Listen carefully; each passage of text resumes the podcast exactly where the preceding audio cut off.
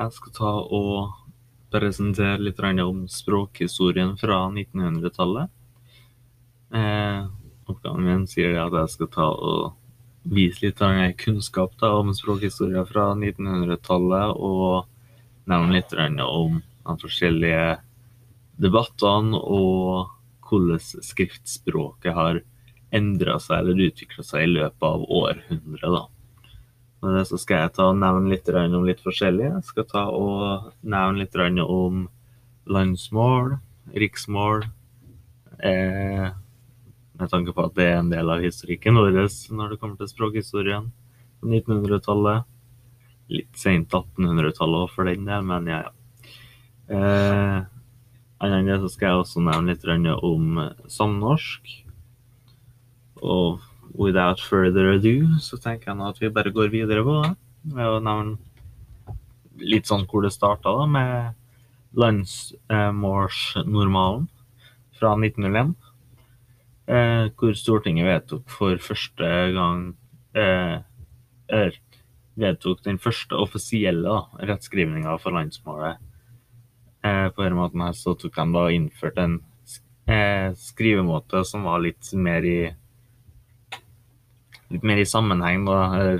Litt mer i likhet med hvordan folk snakka, litt mer i hvordan uttalen til folk var. Eh, litt som det Ivar Aasen ønska eller hadde foreslått. da. Eh, reformen eh, omfatta bl.a. det å legge til preteritum og perfektum av verb og noen få enkeltord. Det var liksom det som var noe av det store ved landsmålsnormalen. av det par år senere så har vi riksmålet igjen, da, som ble etablert i 1907. Som var en rettskrivningsreform da, for riksmålet. Eh, mange av disse formene som eh, Mange sånne former da, som ble brukt i den daglige talen, ble nå inkludert i skriftspråket. Da, litt à la landsmålsnormalen, men dette var for riksmålet. Man må ha litt tunga rett i munnen når man snakke om dem. Ja.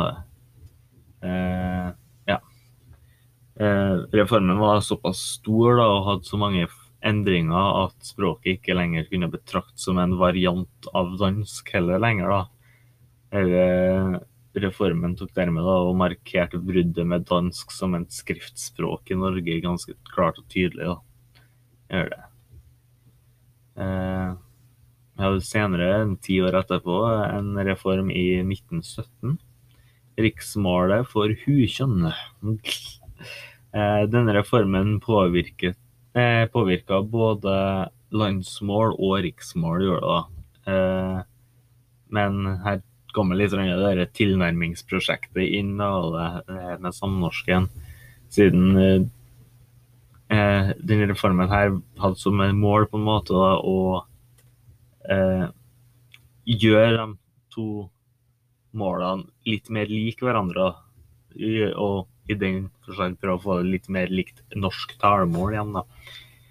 Men i hovedkant så var den største endringa med denne reformen det var det at vi fikk et skille mellom hannkjønn og hukjønnsord i riksmålet. Og som igjen også hjelper oss med å skille oss mer fra dansk skriftspråk gjør det, da. Ettersom at de bare har uh, hannkjønnsord i fokus, da. Den var jeg ikke helt sikker på, men vi går videre til Ja. Bare en litt sånn kjapp fakta for den del. Eh, I 1929 så fikk landsmålet Landsmålet fikk det offisielle navnet nynorsk, og i riksmålet fikk det offisielle navnet bokmål. Så det skjedde i 1929, tydeligvis. Senere, et par år senere igjen, håper vi tar et lite hopp, hopper 20 år nå, da.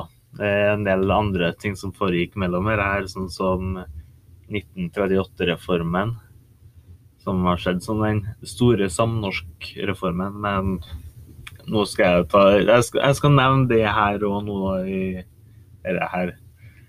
Hoppe litt, men i 1950-årene så var det veldig, veldig, mange flere foreldre og sånt som var eh, opp, opp, opphissa, eller ja Rettere sagt veldig interessert i språkdebatten og det, da. Siden eh, svært mange foreldre som endte opp med å rette opp eh, lesebøkene til barna sine. De tok og strøyk ut og fjerna og retta ord og setninger og sånt med tanke på at barna hadde akkurat fått bøker da, som var skrevet på samnorsk, da. Eller eh, ja, samnorsk eller tilnærmingsprosjektet. På den, den typen skriftspråk, da. Eh, noen eksempler på liksom ting som sto det var sånn sol i og sol av, eller noe sånt. Eh, et bilde var det som ble lagt ved i boka, var det. Angående her, hvor det var eh, Mur satt på lur, så kom en ei mus. Hvor man ser det at uh, de eh, foreldre sånn, Foreldreaksjonen har drevet på og lagt til en N da, i stedet for ei mus. Altså ut av et hull så har de stryka ut det og skrevet hull. Slike ting, da. Det, var veldig mye slikt. Det var sånn de brant skolebøkene og sånt til barna og sånt, de, siden de var så uenige med den denne samnorskreformen igjen for seg. Og at det skulle læres bort til barna deres, siden det kom til å skape så stort et skille igjen for seg. Er det. Ja. Det ble også, og samnorsk ble også beskrevet da, i, av denne foreldregruppa. Foreldregruppene ble beskrevet som et stygt skriftspråk, ble det i mange forstander. Der igjen så var det jo noen som prøvde å forsvare dette her òg, selvsagt. Det var jo noen uh, skriventer var det jo, som uh, drev på og skrev bøker og sånt. Uh, ja, arbeiderdikteren Oskar Bråten. Han var en uh, person som var tidlig ute med å bruke samnorskformer til å skrive tekstene sine. Om det var så populært, det vet jeg ikke, men eh, når det kom til eh, bøker, sånn skolebøker og lignende, så var det i hvert fall veldig mye motstand, i hvert fall fra foreldre, foreldreaksjonen. da. Eh, ja. Samnorsk og tilnærmingsprosjekt i en helhet på en måte skjedd som en sånn mellomting mellom landsmål og riksmål.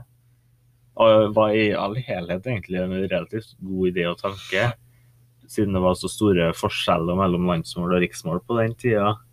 Mer, mer da enn det er mellom nynorsk og bokmål i dag. Men eh, ja, så derfor så ble samnorsk sett som en sånn mellomting som muligens kunne ha forent de to skriftspråkene til slutt. Men med tanke på hvor stor motstand det var, og hvor sta vi er, på en måte, så ble det jo ikke noe av. Det ble jo offisielt kansellert nå for ikke så veldig mange år siden, men ja. Eh, det som var oppbygninga, da.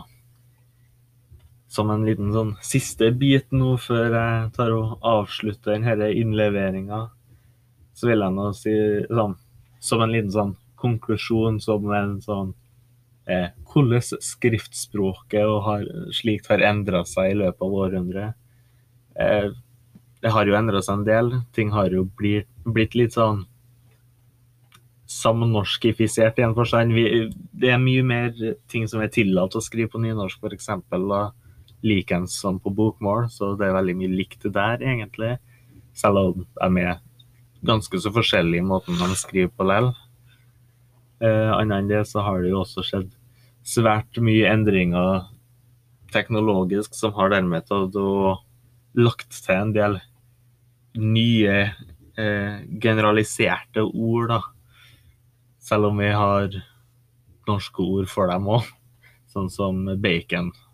Det er jo et eksempel. Eh, vi har jo flesk og sånt, men likevel så blir det av den yngre generasjonen ofte sagt bacon.